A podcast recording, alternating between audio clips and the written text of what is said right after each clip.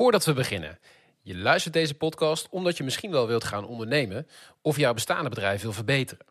Wil je dit en tegelijkertijd je HBO-diploma halen? Dat kan.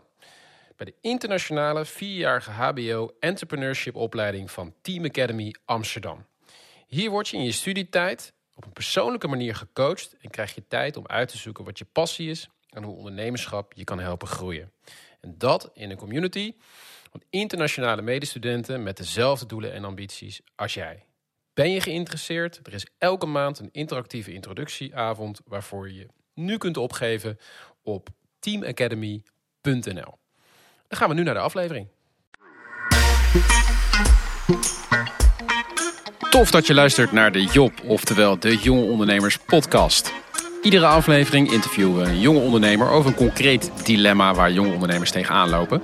En deze aflevering het dilemma vanaf nul starten of vanaf een solide basis. Hans, volgens mij heb jij wel iets met dit uh, dilemma, of niet? Zeker, uh, zeker op. Uh, dat is eigenlijk precies wat ik zelf heb gedaan zo'n tien jaar geleden. toen zat ik over na te denken om voor mezelf te gaan beginnen. maar had eigenlijk ook niet zo'n zin om helemaal vanaf nul te starten met alle romslomp die daarbij komt, websites opstarten. Um, ik ben ook daar te chaotisch voor. Uh, en ik had toen, uh, um, uh, ik werkte toen bij een bedrijf waar ik dacht, hé, hey, hier zou ik wel in kunnen passen. Dus daar ben ik eigenlijk ingestapt. Dus in die solide basis, zeg maar, die er al stond, om daarmee verder uit te gaan bouwen. Ja. Heel bewust voor gekozen, met andere ondernemen, in al iets wat er staat. Um, en dan niet misschien de hele brok aan aandelen, maar wel samen iets doen. In Ja. plaats van alleen op te gaan starten. Leuk, ik ben benieuwd hoe jij erop terugkijkt, Hans. Voordat we daarover gaan horen, gaan we naar het gesprek met Lars Drechtmans, jonge ondernemer van het bedrijf Parts United.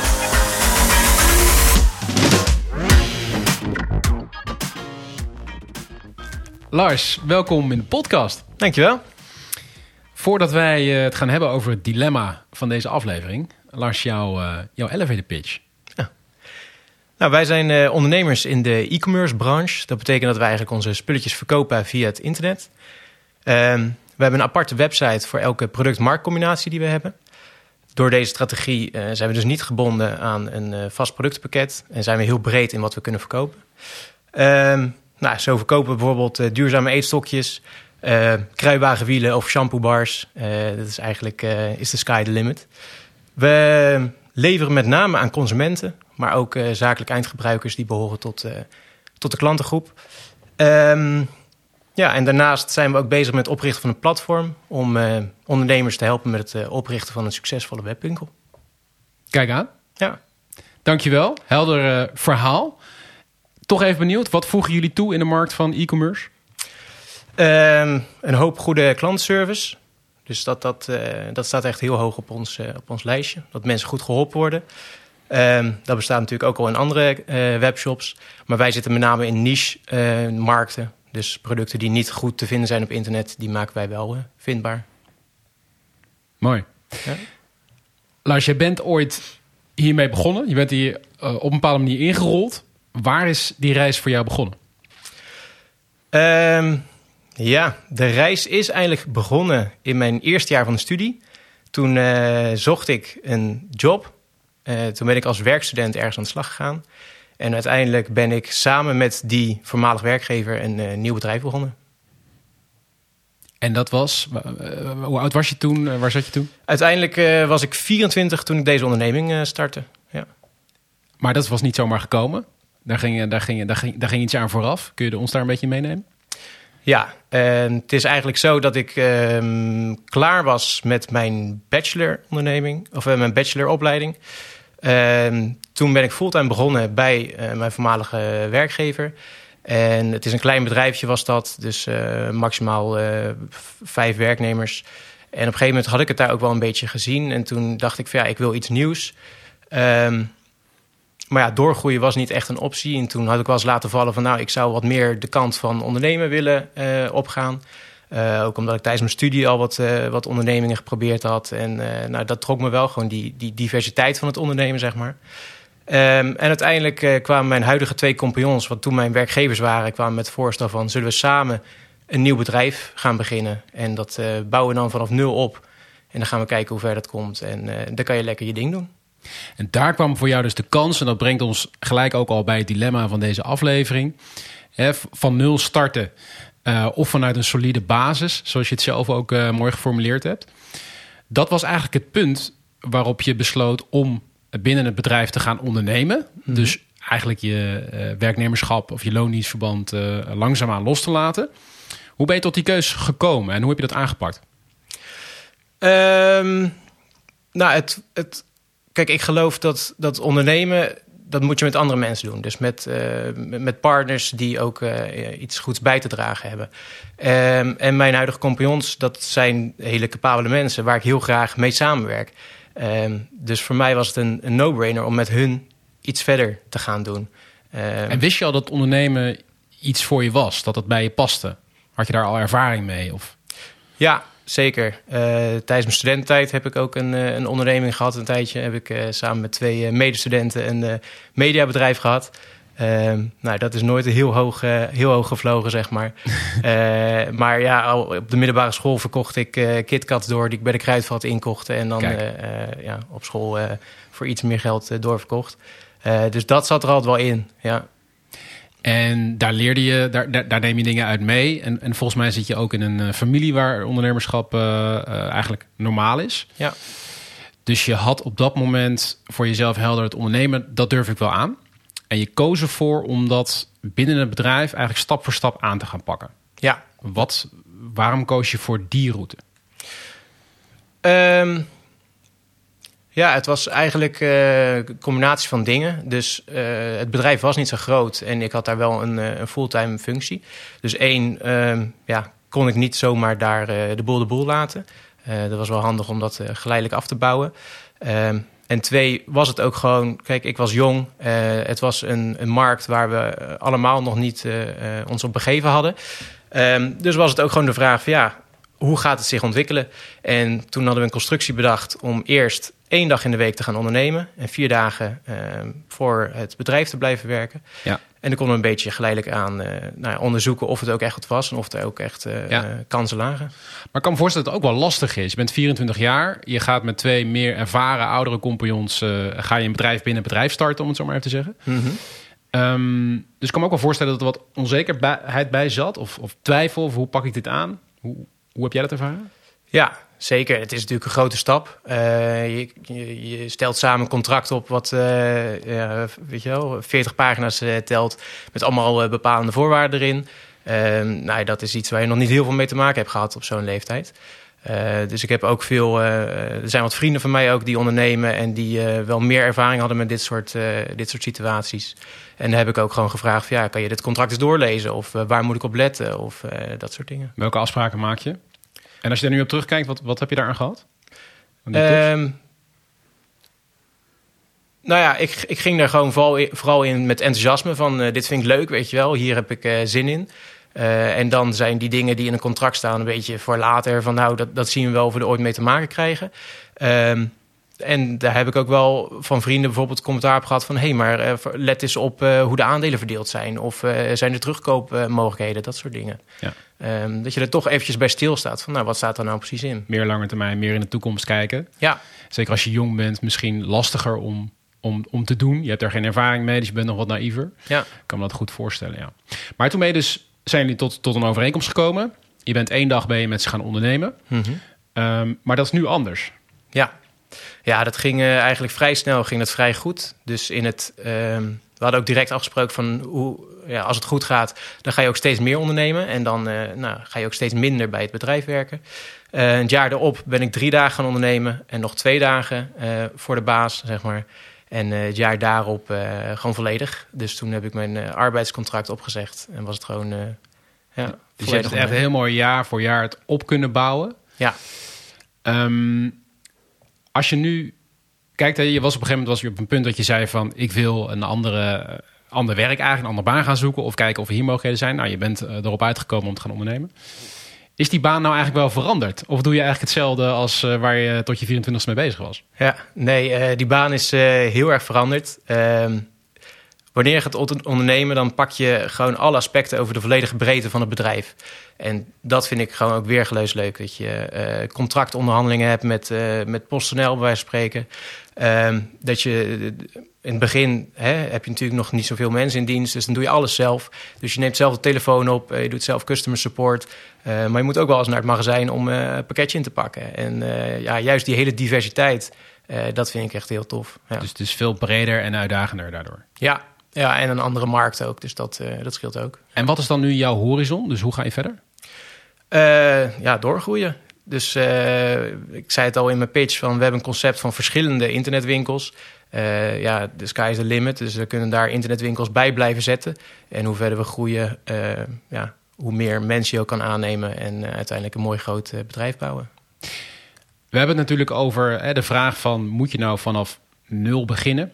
Um, of een solide basis hebben. Ik, weet ook al van veel ondernemers dat die eigenlijk zeggen van...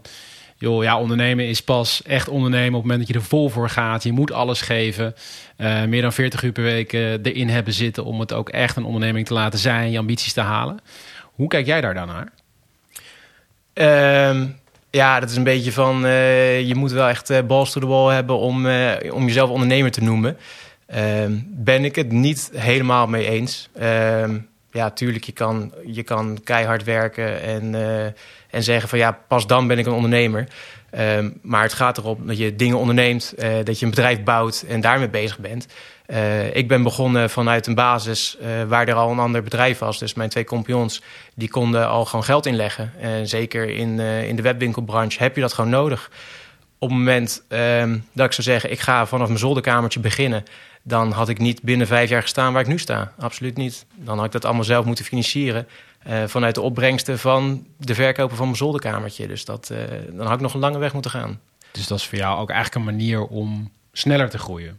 Om, ja, om zeker. een betere, snelle manier je ambities te halen met minder risico's eigenlijk. Ja.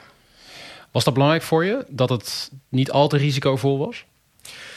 Um, nou, op zich uh, ben ik niet de persoon die uh, volledig alle risico's uh, met beide handen aangrijpt. Maar het, het, is, het heeft niet per se meege, meegewogen in mijn, in mijn overwegingen. Nee. Nee, precies. Dus het, is, het was eigenlijk meer gewoon een hele logische stap van ja, ehm, we hebben al magazijnruimte. Als we dit muurtje nou even doorbreken, dan hebben we ook magazijnruimte voor een nieuwe onderneming. in plaats van ja, dat je dat, dat ei opnieuw moet gaan uitvinden. Ja, wat was nou als je... Als je het wiel, het wiel opnieuw moet uitvinden. Wat was nou, stel dat je had die basis niet gehad. Dus je was niet in die situatie waarin je die, um, uh, die kans had gekregen binnen het bedrijf. Mm -hmm. Hoe had je het dan aangepakt, denk je? Um, ja, dat is lastig. Dan, um, dan zou ik niet dit bedrijf gestart zijn, denk ik ik denk dat er dan hoe dan ook wel een onderneming uitgekomen was. Want dat is ook gewoon de, de creativiteit die, die ik dan soms moet laten gaan. Alleen dan was het echt ontzettend langzaam gegaan. Dat is, uh, ja, ik heb ook hiernaast een, een wijnbedrijfje... die we dus wel vanuit de, de, de kelder, zeg maar, ja. starten. Uh, en daar zie ik dat het gewoon ja, veel minder hard gaat. Dus dan, uh, ja, dan wordt het meer zo'n side business. En dat komt omdat het erbij zit. Daarnaast heb je eigenlijk gewoon je baan of een ander bedrijf. Ja, daar gaat je, je volle aandacht naartoe. En, en, de rest doe je altijd een beetje in de avonduurtjes. En ja, uh, ja dat is minder, minder productief. Omdat minder... het dan nog niet genoeg oplevert. Ja. ja. Als je jezelf van drie jaar terug een tip zou mogen geven. Vanuit de kennis van nu. Mm -hmm. Wat zou dat dan zijn? Um, ja, um, op dit gebied um, zou ik het niet zo goed weten. Op werkgebied zou ik zeggen van uh, hak even wat sneller knopen door, zeg maar. Dus uh, durf afscheid te nemen, bijvoorbeeld. Ik heb uh, vijf jaar geleden een aantal webshops opgericht die misschien helemaal niet zo goed liepen uh, en die eigenlijk ook de potentie helemaal niet hadden. Maar omdat het dan een beetje uh, je kindje wordt, ga je er heel veel aandacht aan besteden en blijf je er geld en energie in stoppen. Um, terwijl ik al veel eerder had moeten zeggen van nee, dit wordt hem gewoon niet. Uh, dit kost te veel. Um, afschrijven en, en verder. En dat is natuurlijk achteraf misschien ook wel makkelijk gezegd, omdat je daar nu op kunt reflecteren. Mm -hmm. Wat zijn momenten waarop je signalen hebt gekregen van oké, okay, dan had ik het eigenlijk moeten doen? Hè, zodat het ook tastbaar eh, wordt voor mensen die die keuze moeten maken. Ja. Hoe Nou, kun je dat doen? Wanneer, wanneer moet je dat, die beslissing nemen? We hebben gewoon heel duidelijk een lijstje opgesteld van als we producten gaan verkopen, moeten ze aan deze dingen eh, voldoen. Eh, dat zijn bijvoorbeeld ook minimale orderbedragen die we moeten halen per, per webshop. En daar komt dus uiteindelijk ook en een aantal orders die je wil halen. En dan komt er gewoon een omzet per maand of per jaar uit. En wij hebben toen ook afgesproken van als het na een jaar niet eh, op dat niveau zit, dan moeten we eigenlijk gewoon afscheid nemen. Tenzij we er echt heel erg in geloven. En precies dat laatste, tenzij we er echt heel erg in geloven, dat kan je beter niet doen. Eh, want dan zeg je ieder jaar bij je evaluatie zeggen, ja, maar het is toch wel heel vet of het is toch wel heel leuk. Ja. En dan blijf je het maar door, eh, doorslepen. En nee, dan moet je eigenlijk gewoon of iemand hebben die gewoon zegt van ja, maar ik ga dat nu besluiten en het is nu gewoon zo. Ja, Ja. Maar ja, dus echt doelen stellen ja. en die en je daaraan houden. Ja. Ja, mooie tip. Dankjewel. Uh, tot slot, eh, Lars. Ehm, wie moeten wij eh, volgen, in de gaten houden om eh, geïnspireerd te blijven? Ehm, ik ben erg geïnteresseerd toen ik begon in deze business ehm, door een boek te lezen. Delivering Happiness heet dat. Het is van Tony Hsieh. En die was de CEO van Zappos. En die heeft dat uiteindelijk eh, verkocht aan Amazon. Maar die eh, zette echt eh, customer happiness zette die, op een enorm voetstuk. En dat is heel belangrijk, denk ik. Ehm, er zijn heel veel mensen die een, webwinkel beginnen... en die denken van nou, ik zet wat productjes online en, en that's it. Ehm, maar juist in de webwinkelindustrie is het heel belangrijk om de klant tevreden te houden en ook vertrouwen te geven. En moet je soms tot het uiterste gaan. Ook al weet je dat je die klant misschien helemaal niks gaat verkopen, ehm, is het belangrijk om ze gewoon heel goed te helpen. En uiteindelijk komen ze dan bij terug of komen hun vrienden en kennissen bij terug. Dus Ja. dat is, een, eh, dat is een, eh, een aanrader. Mooi. En dat is natuurlijk ook precies waar jullie de waarde toevoegen en willen blijven toevoegen. Ja, Dankjewel voor dit gesprek. dankjewel dat ik hier eh, aanwezig kon zijn. Leuk. Ja, mooi interessant gesprek met Lars over, over dit dilemma. En eh, wat ik wel mooi vond was dat hij ook zei over dat ondernemerschap. Hè? Echt dat beeld van ondernemerschap, dat, dat resoneert wel bij mij. Hè? Van ja, je moet alles geven. Eh, het, zelf, het zelf willen doen, eh, de autonomie. En hij zegt eigenlijk van nee, weet je, je kan het ook gewoon stap voor stap doen. Je kan ook ervoor kiezen om ergens in te stappen wat al wat meer basis heeft. ehm, een fundament heeft om uiteindelijk ook een hele mooie onderneming te bouwen. En eh, dat het ook gewoon een route kan zijn die zelfs eh, sneller is om ook je ambities en je doelen te bereiken. Zeker in deze business, waar je natuurlijk echt veel moet, eh, moet investeren. Maar ehm, Hans, hoe, ehm, ik was nog even benieuwd, hoe, hoe is dit voor jou gegaan? Hoe kijk jij terug op jouw keuze destijds? Nou, daar kijk ik eigenlijk best wel goed op terug. omdat het een goede ehm, eh, stap voor me is geweest. Maar daarbij is ook wel belangrijk, als je ergens instapt, en dat is bij mij gelukkig allemaal heel goed geweest, ehm, dat je goed weet met wie je eh, in business stapt. Eh, dat je elkaar vertrouwt. Mm. Eh, dat je eenzelfde kijk en visie hebt op ondernemen. Want als je de een denkt, hey, je moet 80 uur knallen, en de ander zegt, hey, maar gewoon leven is ook belangrijk, dan gaat dat frictie opleveren. Heb je dezelfde visie op hoe je met geld omgaat? Wil je alles eruit trekken of wil je investeren? Ja. Ehm, best wel wezenlijke dingen die, ook, waar ik ook voorbeelden heb van vrienden waar het mis is gegaan, die ergens in zijn gestapt. Ja. Omdat dit soort dingen wel van tevoren helder moeten zijn en afgekaart. En heb jij destijds daar ehm, dingen in eh, hulp bij gehad of gesprek, specifiek gesprekken over gevoerd met, eh, met je compagnons? Of... Nou, we hebben de, al deze punten hebben wij echt met elkaar letterlijk ook op tafel gelegd. Oké, van tevoren denk erover na van hey, wat is nou je eigen visie? Waarom wil je ondernemen? Doe je dat omdat je rijk wil worden? Doe je dat omdat je vrijheid wil? Doe je dat omdat je je creativiteit wil laten gaan? Wat zijn nou je, je redenen van het gaan ondernemen? Eh, en daarnaast ook met elkaar van oké, maar hoe zie je de toekomst als we nou heel veel geld gaan verdienen? En wat nou als we niet zoveel geld gaan verdienen? En dan kijken van hoe reageert de ander en wat is zijn visie? Zodat je een beetje meer idee krijgt over dat soort dingen die, als het moeilijk gaat, eh, worden dat soort onderwerpen heftiger. Ja. Ehm, dus dat moet je, hebben wij van tevoren allemaal heel duidelijk besproken. eh, zodat we wisten met wie we in zee stappen. Ja, ja, Lars die noemde natuurlijk ook nog eh, het punt van, van de afspraken. Dus meer de harde kant ook eh, van, van ergens Ja. instappen. Eh, dat het ook wel echt een ding was. In één keer een overeenkomst, een contract. Je bent jong, je hebt nog geen ervaring. Dus ook wel mooi zei, hè, kijk naar mensen om je heen, vrienden, ehm, eh, die dit al eerder hebben gedaan en weten waar je op moet letten. Hoe je zo'n overeenkomst kan vormgeven. Dus vraag, zeker, vraag ook zeker om hulp. Is dat iets wat jij ook herkent op dat vlak? Eh, ja, zeker. Want heel veel mensen denken dan toch van, ah, dat is toch allemaal niet zo nodig. En hey, maar we zijn vrienden, we gaan samen ondernemen, we krijgen echt ruzie. En als, anders komen we er wel uit. Precies. Ehm, en dat dacht ik in het begin ook. En nou, gelukkig hebben we het contract nog niet hoeven gebruiken. Maar je hebt wel, we hebben ook bijvoorbeeld van wat nou als je ehm, uit wil stappen met ruzie, heb je een bad leave regeling. Dat zijn allemaal dingen voor die je kunt uitschrijven. Die heel heftig lijken als je het opschrijft, Hmm. maar die wel nodig zijn voor het geval dat je toch tegenover elkaar komt te staan. En als je daar staat en je hebt niks geregeld, is het te laat. Ehm, eh, en dan wordt het gewoon heel juridisch. Ja. Eh, dus dan moet je het gewoon georganiseerd hebben. En wat ik, wat ik ook nog wel echt mooi vond is, eh, er zijn best wel veel mensen die natuurlijk de stap naar ondernemen eng vinden. Omdat ze risico's spannend vinden of in één keer je baan opzeggen. Dat het dus ook een mogelijkheid tussenin ligt, zoals Lars heeft gedaan. Dat je misschien wel gefaseerd ergens in kunt rollen of in kunt stappen of uit kunt stappen. Dus dat geeft misschien best wel mensen ook nieuwe ideeën om te denken, hé, hey, maar ik werk nu daar en daar. Misschien kan ik wel één dag minder gaan werken, één dag daarin. Of, Ah, het, geeft, het geeft wel weer een andere kijk op eh, hoe je kunt starten. Eh, want iedereen denkt dat je moet je een 9 tot 5 baan meteen opzeggen en je moet eh, Ja. gaan gas geven, je moet je spaarpot opmaken. Kan dus misschien ook wel anders. Precies. Ja, dat komt heel erg uit die cultuur van hè, de start-up zien, je eigen start-up, eh founden en eh, heel hard groeien naar een scale-up.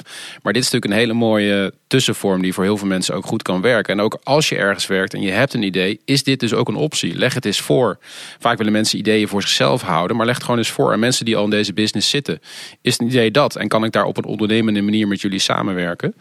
Ehm, dat is inderdaad Ja. wel een hele, hele mooie vorm. Hey, eh, delivering happiness, ehm, customer happiness. Is dat nog iets eh, waar jij iets mee kon? Ja, ja een hele goeie. Dat eh, was het boek wat hij, wat hij aanhaalde. Ik denk dat dat een heel interessant thema is. Zeker in de huidige tijd. Als je kijkt naar online en naar dropshipping is helemaal hot al een tijdje. Heel veel jonge mensen starten dropship websites via Zeker. Alibaba, wat dan ook. Ehm, en de vraag is of het daar eh, gaat om eh, gewoon heel snel proberen cash te verdienen. Iedereen denkt dat het heel makkelijk is. Uh, maar vergeten ze uh, niet dat customer happiness eigenlijk wel heel belangrijk is. Wil je klanten behouden? Wil je terugkerende business hebben? Of zijn het allemaal eendagsvliegen, die klanten? En is het na een tijdje opgebrand? Ik denk dat het een goede ja. is voor mensen om over na te denken in hoe onderscheid ik me. Denk ik wel echt aan mijn klant. Um, en daarbij komt ook het andere tip die Lars nog noemde: van hak knopen sneller door. Zeker in dat soort business met websites als je echt geloof hebt in een bepaald product, kan je zeggen: ah, we, we, houden het nog even vol. We gaan nog tot het eind van het jaar door. Als er dan geen genoeg omzet uitkomt, dan stoppen we. Behalve als we toch nog mogelijkheden zien. En dat, die laatste zin vond ik een hele goede. Dat, dat moet je niet doen, want anders blijf je maar doorgaan. Precies. Want je, je gelooft in dat idee en je bent er niet voor niks mee begonnen. Ja. Maar hou je gewoon aan de afspraken die je met elkaar maakt. Van oké, okay, na zoveel tijd moeten we dit hebben bereikt. Als dat niet zo is, hey, dan was het hem niet. Dan moet je ook afscheid kunnen nemen. Uh, en doorgaan. Kill your darlings noemen ze dat, toch? Ja, die ja. Ja, ja goeie. Ja. goeie. Mooi. Dus dat, uh, ik vond het weer ja. een leuke podcast om te luisteren. Ik denk het ook, ja. Mooi uh, wat je er allemaal uit hebt gehaald. En ja, volgens mij zijn we rot. Volgens mij ook. Top. Nou, dankjewel voor het luisteren naar deze aflevering van de Job, de Jonge Ondernemers Podcast. Mocht je denken, ik vind het een leuke podcast, laat dan vooral een recensie achter door sterren te geven of ook iets te schrijven. Dan worden we beter gevonden. Dankjewel en tot de volgende.